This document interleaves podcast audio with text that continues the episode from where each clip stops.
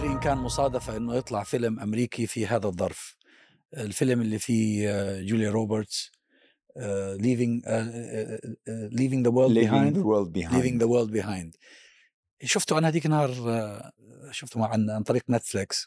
وعادة أنا لا لا, لا تروق لي الأفلام ال- الخراف الخرافية. لكن جذبني الفيلم. الفيلم بيتكلم عن أنه أمريكا تتعرض ل آه، هجوم سيبراني. بالبداية مش معروف إيش الحكاية بالآخر بيدركوا أنه في هجوم سيبراني. مين حدا شافه ولا بس أنا شفته لوحدي؟ أنا شفت مقاطع من عنده شفت التريلرز هذا الهجوم السيبراني بيعطل الدنيا. وطبعا لما بتقول أنت بيعطل الدنيا علميا وارد. يعني حتى من المقاطع اللي موجودة بالفيلم سيارات التسلا بتصير تطلع من من المخازن جديدة بورقتها. تطلع لحالها. تطلع لحالها على ال- والله بدنا نكيف. كيف بتضرب في بعض. فسكرت الطرق. تعطلت الكهرباء وتعطلت الإنترنت وبعدين بالآخر صار في تفجيرات في نيويورك. في مقطع في قبل نهاية الفيلم بقليل. أحد الشخصيات الرئيسية في الفيلم بيقول لقد آه، صنعنا كثيرا من الأعداء حول العالم. ليه؟ لأنهم ما محتاروا هذا الهجوم السيبراني من يقف وراءه؟ من, من وراءه. عرب مسلمون أم الكوريون أم الصينيون؟ فهو بيقول أم الروس. أم الروس. أم الروس. أم الروس. هو بيقول لقد صنعنا كثيرا من الأعداء حول العالم. حقيقة الولايات المتحدة الأمريكية يبدو لي تتجه في في في ذلك المسار. شوف الآن لما أمريكا شوف كم هي بعيدة جغرافيا كم هي بعيدة عن كل العالم. ويمكن أن تظل بمنأى عن كل المشاكل لو أرادت. هي التي تذهب إلى المشاكل وهي التي تخلق المشاكل عند الناس الآخرين. يعني موجودة عند الصين وموجودة عند الروس وموجودة عند العرب. وبدها الآن تضرب الحوثيين أو أو تعمل حاجة بسبب آه، تضامنهم ووقوفهم مع مع المقاومة. حتى في الحرب العالمية الثانية هي التي ذهبت وشاركت وجن جنونها عندما رد اليابانيون بهجوم بيرل هاربر. طبعا هو هجوم بيرل هاربر نسخته الثانية كانت الحادي عشر من سبتمبر. جن جنونهم بالحادي عشر من سبتمبر. كيف يجرؤ أحد على أن يهاجمنا ويأتي إلينا ونحن في هذا البعد هذه زي القوة؟ 7 أكتوبر نفس الشيء. نفس الشيء 7 أكتوبر. بس- آمنتم له قبل أن آذن لكم؟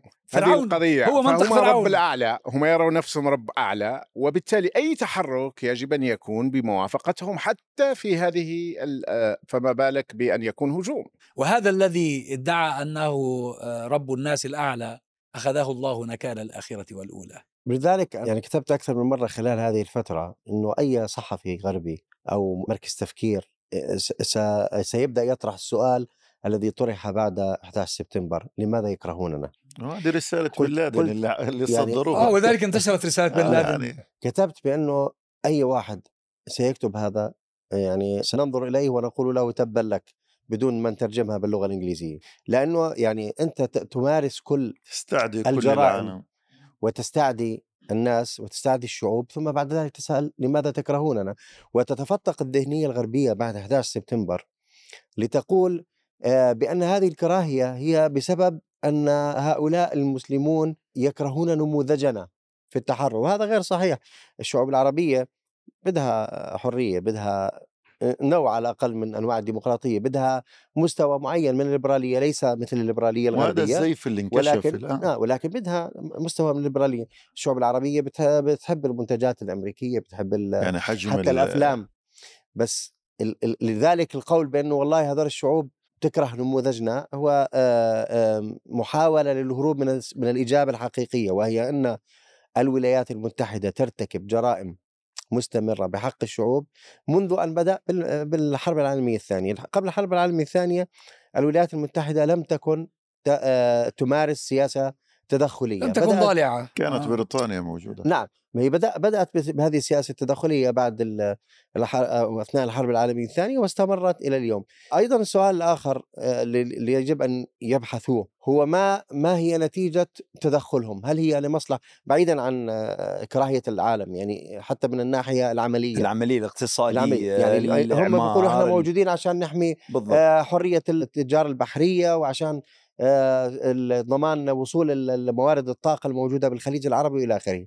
طيب بسبب تدخلهم ودعمهم للجرائم الإسرائيلية في هذا في هذه الحرب الظالمة ال- ال- التجارة البحرية تأثرت أسعار النفط ارتفعت أسعار المنتجات كلها ارتفعت وبالتالي السياسة التدخلية بهذه الطريقة لا تحقق لا صورة طيبة ولا تحقق أيضا لا هم كشفوا يعني بعد الأمور من. أكتوبر يعني حتى النظام هذا اللي كان بتبجح بالديمقراطية والحرية وبالحقوق الإنسان وكما هم بيبرروا الجرائم اللي الآن ودعمها إنه لأنه هدول ما بيشبهون العالم المتحضر الآن كل هذا ما لا يستطيعوا أن يخادعوا العالم فيه كانوا في السابق يخادعوا خاصه مش العالم الغربي العالم العربي والإسلامي إنه هدول اللي عندهم الحريات والديمقراطية. الآن الناس كفرت بهذا إذا كانت الحضارة هو قتل والإبادة الجماعية كما هو حادث الآن في فلسطين فهذه كشفت زيفهم. يعني الآن مستقبلا لن, لن تستطيع لا أمريكا وطبعا صرحوا القادة كثير سياسيين أمريكان أنه لا نستطيع أنه حتى للروس والصين نتحدث عن حقوق إنسان وعن قيم وعن مبادئ لأنه كسروا كل شيء. فلذلك هم هم الآن يعني هذه المرحلة هم وصلوا قمة الهرم في كراهية الناس لهم كمنظومة كمسوقين لحضارة مزيفة لأنه حتى هذه هم يمارسوا يعني القتل والظلم على عشرات السنوات لكن الآن ما يحدث الآن لأنه لا, لا يوجد حرب في السابق. يعني تبث على الهواء مباشرة. أنت تتحدث الآن عن قتل ممنهج. قتل على الهواء مباشرة. بمعنى الغربيين يتعامون ممكن في المرة الأولى ممكن يشككون في الصورة لكن الآن الصورة تأتي كل يوم كل دقيقة لمجزرة لمستشفيات لكنائس لمدارس لمساجد لبنية تحتية. قتل كل شيء. إذا هو هذا الذي سيؤدي إلى انهيار هذه المنظومة وأنا ب- يعني أختم في شغلة كنت يعني آه، عندما تحدثت عن المسيري رحمة الله عليه وانهيار المشروع آه، الصهيوني في فلسطين أنا قرأت ل ل يعني باحث إسرائيلي يقول ما يحدث الآن من جرائم وقتل في غزة هو هذا يؤدي إلى نقطة مسلمة أننا لا يوجد لنا مكان في المنطقة بمعنى الذي يقتل بهذا الشكل لا يمكن أن يتعايش من في المنطقة. يعني كي كيف سينسى الفلسطيني والمصري والعربي كل هذا القتل؟ بمعنى هو يقتل ويعرف أن نهايته قادمة فلذلك هو يدمر كل شيء. هو يدمر كل شيء.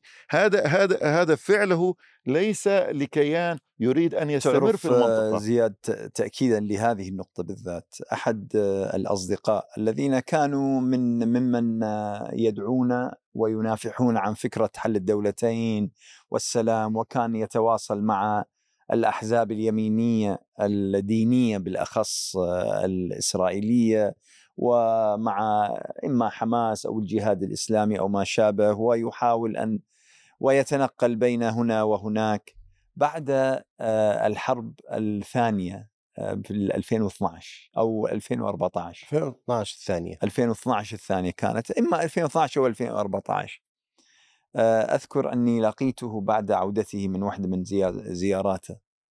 فقلت له كيف؟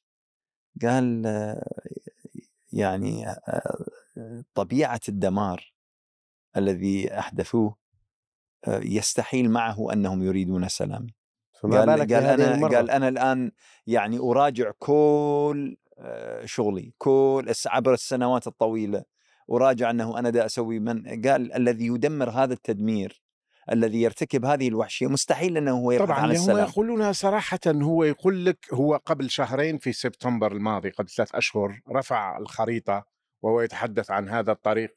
الجديد نعم نعم. الذي يمر على آه، ووضع فلسطين التاريخية صحيح. كلها أنها هي إسرائيل. صحيح. هذا واحد. الأمر الثاني أنا استمعت لنتنياهو حوار قبل حوالي 40 سنة يعني في بداياته الأولى في مع السياسة. يقول ما فيش دولة ما في. فلسطين. ما فيش يقول لك ما فيش حاجة اسمها دولة فلسطينية. وع- ويكرر هذا دائما. حقيقة نتنياهو والصهيونية الدينية متناسقة صحيح مع مع ذاتها. مع ذاتها. صحيح. هي لا تكذب صحيح. وهي تقولها هذا هو. بل أن بعضهم يقول لك لا آه، أخرج واحد منهم في الكنيست ويقول لك الفرصة الآن لكي نذهب إلى سيناء ونذهب إلى أماكن أخرى. وأنتم تعرفون أن لديهم في الخط الأزرق فقط مع لبنان. والخط الأزرق يعني أنهم يعترفون فقط بحدود لبنان. باقي الحدود كلها سيتوسعون فيها. ليس لهم حدود. لا لا تعرف الحدود الحقيقية لأن لديهم أكثر من خريطة بالنسبة لما أعطاهم الرب. وعلى قول بن غوريون قال أنا لا أؤمن بهذا الإله لكن إذا أعطاني هذا الإله هذه الأرض فهذا شيء جميل. هذه من ال- من الطرف هذه نعم، أنه هذا- لا يؤمنون بإله ولكن يؤمنون بالوعد الذي بس أعطاهم هو كثرة. الحديث عن حل الدولتين بالوعد الآن. نعم. ولذلك هذا حل الدولتين في الحقيقة هو أصبح صراحة هو 750 إسرائيل. ألف مستوطن. لا لا هو الآن الغرب الآن زادت وتيرة الكل يبحث عن حل الدولتين. هم لأنه الغربيين يروا أنه انهيار هذا المشروع فهو ما جزء من مشكلة. المصلحة طبعاً. هم يقولوا حل دولتين لأنه إذا استمر الصراع كما هو لن تكون هناك في مشروع صهيوني يعني بس الآن في إسرائيل كل الأحزاب تقريبا الفاعلة يعني باستثناء حزب العمال العمل اللي هو بطل في اظن أظن له أربع نواب فقط في في الكنيست أو ستة ما عدا ذلك ال mainstream بما في بيني جانتس بالمناسبة الذي يروج على أنه معتدل ومختلف هو يقول بصراحة لا يوجد أفق لدولة فلسطينية يقول بأنه إحنا بدنا نقوي علاقتنا مع السلطة ونسمح لها بأن تقوى ولكن لممارسة الدور الذي وضع لها ضمن أوسلو ولكن ليس لأجل آه، بناء آه، دولة آه، فلسطينية. ولذلك المشروع الصهيوني حينما يصل إلى هذه المرحلة حتى ال- المفكرين ال- اليهود وخصوصا في الولايات المتحدة وبعضهم في آه، دولة الاحتلال يقولون بأن هذا يعني بداية لنهاية المشروع الصهيوني اللي هو هذا التفكير ع- اللي هو رفض حل سياسي يتضمن دولتين.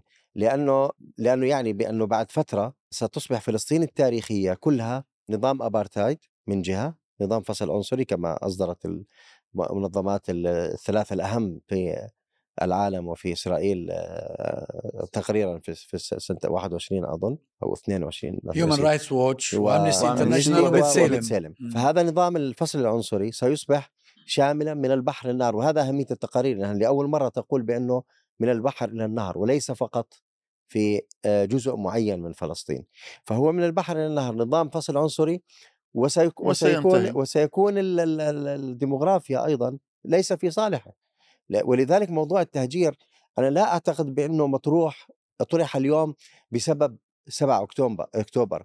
هو 7 أكتوبر أتاح المناخ السياسي والإعلامي ليطرح ولكن موضوع التهجير هو متأصل في ال في ال ال ال العقلية الصهيونية لأنه يدرك لا هو بده يعطي دولة ولا بده يعمل حل سياسي وبده يظل يمارس الف- الفصل العنصري. وبده يتخلص هو من ال- من البشر اللي مش جزء من مشروعه. نعم طرح ولذلك هذا المشروع على ولذلك- مبارك في و- 2007 أيضا. و- ولذلك هو يعني هو يرى نهايته ويرى بأن الحل هو التهجير. فهي في معضل. أنا أعتقد بأنه المشروع الصهيوني بالرغم من كل فائض القوى الموجود والقدرة على التدمير والقتل والجرائم اللي ترتكب الآن لكنه مشروع في في أزمة آه، كبيرة آه، وربما يكون تفجير هذا المشروع هو من داخله أكثر من الخارج. شوف بالعودة إلى الموضوع الأمريكي أنت آه، طرحت آه، كأنك طرحت سؤال أو طرحت فكرة إنه ما الذي تستفيده الولايات المتحدة الأمريكية من هذا الذي تفعله حول العالم؟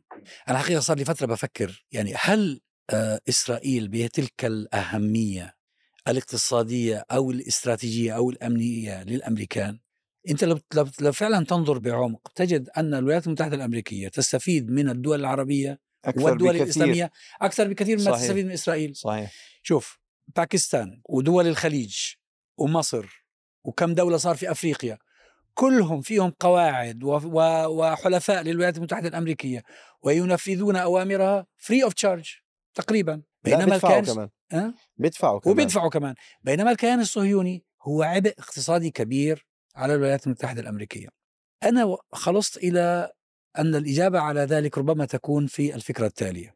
العصابة التي تحكم في أي بلد من البلدان الديمقراطية ورغم أنها منتخبة بمنطق الليبرالية الديمقراطية إلا أنها تتصرف مع العالم في الخارج كعصابة. هذه العصابة تأخذ الضرائب من الشعب وتنفق هذه الضرائب على مصانع السلاح اللي هم مرتبطين بهم هم يستفيدون يملؤون جيوبهم. يثرون أكثر وأكثر من خلال إبقاء هذه الصراعات حول العالم. ولا كيف نفسر غزو العراق وغزو أفغانستان وتدخل أمريكا في كل خزق في كل مكان في العالم؟ وهذا الدعم الهائل للكيان الصهيوني. هو بياخذ فلوس الأمريكان وبيثري من خلالها وينفق آه، على إبقاء هذه ال- الصراعات طبعا آه، هذه مشتعلة هذه هذه. النظرية موجودة وأعتقد بأنها تشكل أحد العوامل لصناعة الموقف الأمريكي الخارجي. حتى في العراق مثلا حرب العراق كان البعض يتساءل إنه آه، أظن 8 تريليون كانت تكلفة ال- الحرب. طب 8 تريليون شو استفادت أمريكا منها؟ حتى لو بدها تأخذ النفط الآن أو تسيطر على لا هو. ينفقونها على أنفسهم. آه بس بالضبط. فهو حتى لو بدنا نحسب إنه والله الفائدة منها شركات الإعمار ولأنه كان يطرح زمان إنه ممكن تكون شركات اعاده الإعمار الأمريكية حتستفيد البترول حيوصل لأمريكا بسعر رخيص وهكذا. كل هذه أسباب حقيقية ولكن لما تطلع على رقم 8 تريليون ليس له تفسير سوى أن شركات آه، صناعة السلاح واللوبي القوي ال- ال- التابع لها هو أكبر المستفيدين من من ذلك. ولكن أنا أيضا أعتقد دائما بأنه القضايا المعقدة لا يكفي سبب واحد لتفسيرها. هذا سبب مهم وهناك سبب آخر وهو آه، ال ال أن إسرائيل أن الولايات المتحدة صحيح مستفيدة من الدول العربية ولكنها لا تضمن بقاء هذه الاستفادة. بمعنى إذا تغير اليوم النظام في أي دولة عربية آه، بسبب ثورة شعبية أو بسبب تغيير بشكل ما هي لا تضمن. ولذلك هذا ما حصل في آه، عام 2011 وبداية التغييرات. أثبت برأيي وجهة نظر معينة لدى لدى دوائر معينة داخل الإدارة الأمريكية أو المؤسسات الأمريكية بأنه هؤلاء هؤلاء ال- ال- الحلفاء أو التابعون العرب آه، كويسين لكنهم ليسوا مضمونين. أيوه بس هم لو لو كانوا يتعلمون شيئا من التاريخ لأدركوا أن الكيان الصهيوني كنقطة استعمارية متقدمة لا يمكن أن تدوم. هي أيضا لا، نعم. ايله إلى بس الزوال هم مستفيدين هم جربوا. يعني هم مستفيدين يعني بايدن لما قال قبل 20 سنة لو لم تكن إسرائيل موجودة لوجدناها بمعنى أنه أمريكا تستفيد من عدم استقرار في المنطقة عدم الاستقرار هو الذي يغذي شركات السلاح هو الذي آه لا بس يغذي تستفيد مش قوات. تستفيد آه، كمشروع آه، مع كمشروع خليك لا لا هي مش. دولة هي مشروع غربي هم افراد أفراد قائمين فلذلك. هذا المشروع الغربي آه، يؤدي وظيفة في المنطقة يعني حتى تهديد المنطقة عدم الاستقرار السلاح تخويف الدول العربية في فترة ما قبل التطبيع.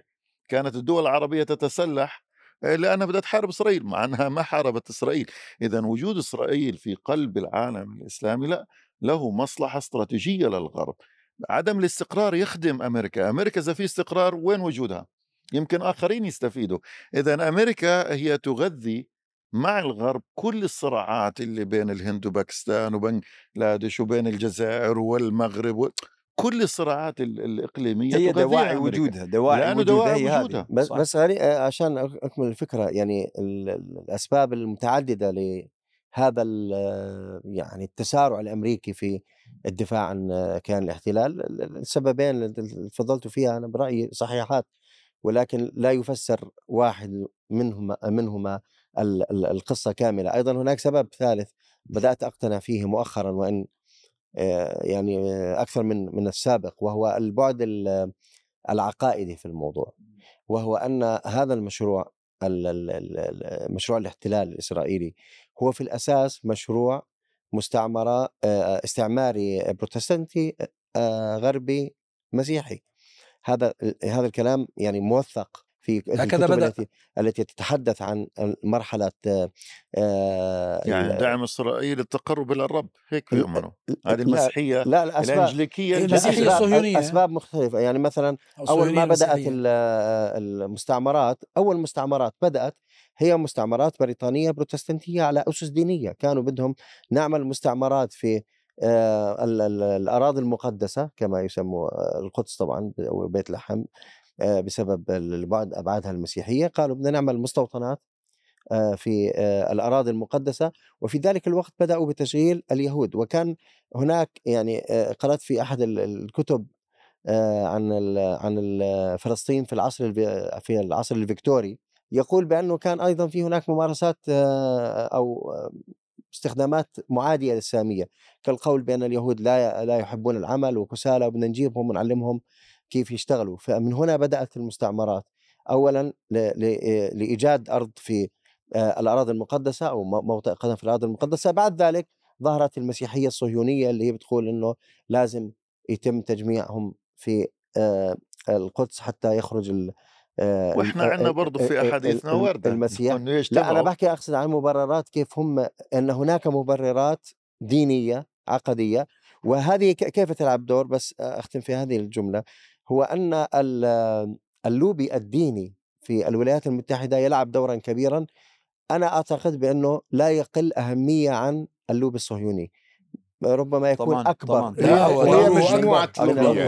هي مجموعة لوبيات هناك المجموع ال- الديني الصهيوني الإنجيلي هناك اللوبي ال- العسكري لوبي ال- ال- السلاح. أصحاب السلاح خاصة وهناك آه، اللوبي الصهيوني هي مجموعة لوبيات وذكرت موضوع الاستقرار. مهم جدا الكلمة هذه في الحقيقة. الحقيقة أن هناك نوعين من الاستقرار الذي يريده الغرب. هناك استقرار وهناك عدم استقرار.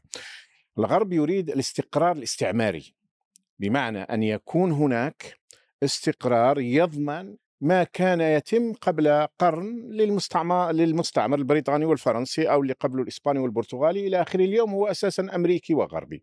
فإذا جاءت أنظمة وكيلة في المنطقة وأدت هذه الخدمات حتى في باكستان مثلا فهذا شيء جميل هذا استقرار جيد يحافظون عليه ويدافعون عنه ويقاتلون من أجله. وإسرائيل تضمن إلى حد ما هذا الاستقرار. عندما يحدث خلل في هذا الاستقرار خذ مثال آه، سقوط مبارك سقوط آه، مبارك وقيام آه، ثورة مصرية جاءت بأول رئيس مدني هنا سقط الخدمات المصرية إلى حد ما سقط. شفنا مثلا على سبيل المثال حرق السفارة الإسرائيلية وهروب الدبلوماسيين الإسرائيليين من القاهرة. هنا تتدخل إسرائيل ويعطى لها دور ولعبت إسرائيل مع الإمارات والسعوديه خاصة في دور رئيسي ضرب المشروع مشروع الثورة المصرية ومن خلال مصر واستعادة الدور المصري آه، العسكري ضربوا ليبيا وضربوا سوريا وامتدت الثورة المضادة.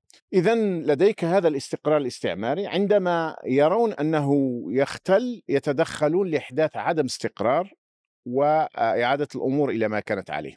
لكن هنا يجب أن نذكر بالدور لهذه الأنظمة خاصة السعودي والاماراتي. دعنا نذكر الاماراتي بسرعة الآن.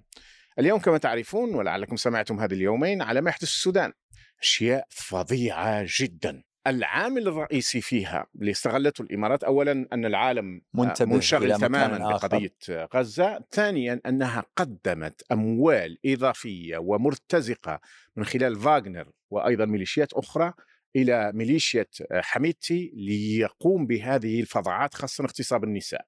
وأنا هذا يؤلمني جدا حقيقه عندما تابعت بعض بعض حالات الاغتصاب أو آه، صرخات آه، آه، الأسر والنساء إلى آخره. في نفس الوقت اليوم فيه في خبر أن الطغمة العسكرية في مالي سحبت سفيرها من الجزائر. أي أن هناك خصومة بين جنرالات الجزائر وجنرالات مالي، مع أن جنرالات الجزائر لعبوا دور رئيسي في استخدام فاغنر الا أن الإمارات تدخلت وها هي تمول فاغنر وتمول الطغمة العسكرية في مالي وفي النيجر وتحرضهم على الجنرالات في الجزائر. الوضع سيء جدا هناك ونحن قد نشهد قطع العلاقات الجزائرية الإماراتية في أي لحظة الآن لأنهم شعروا في الجزائر وخرجوا قالوها في إعلامهم أو بعض الناطقين باسمهم بعض ما يسمى بالأحزاب من أن الإمارات تريد تفكيك الجزائر. الإمارات في الحقيقة لا تريد تفكيك الجزائر فقط، تريد تفكيك الشمال الإفريقي كما فككت ال- المنطقة المشرقية. ما هذه بشع. هذه هذه الدولة الشيطانية هي التي يجب أن تتفكك.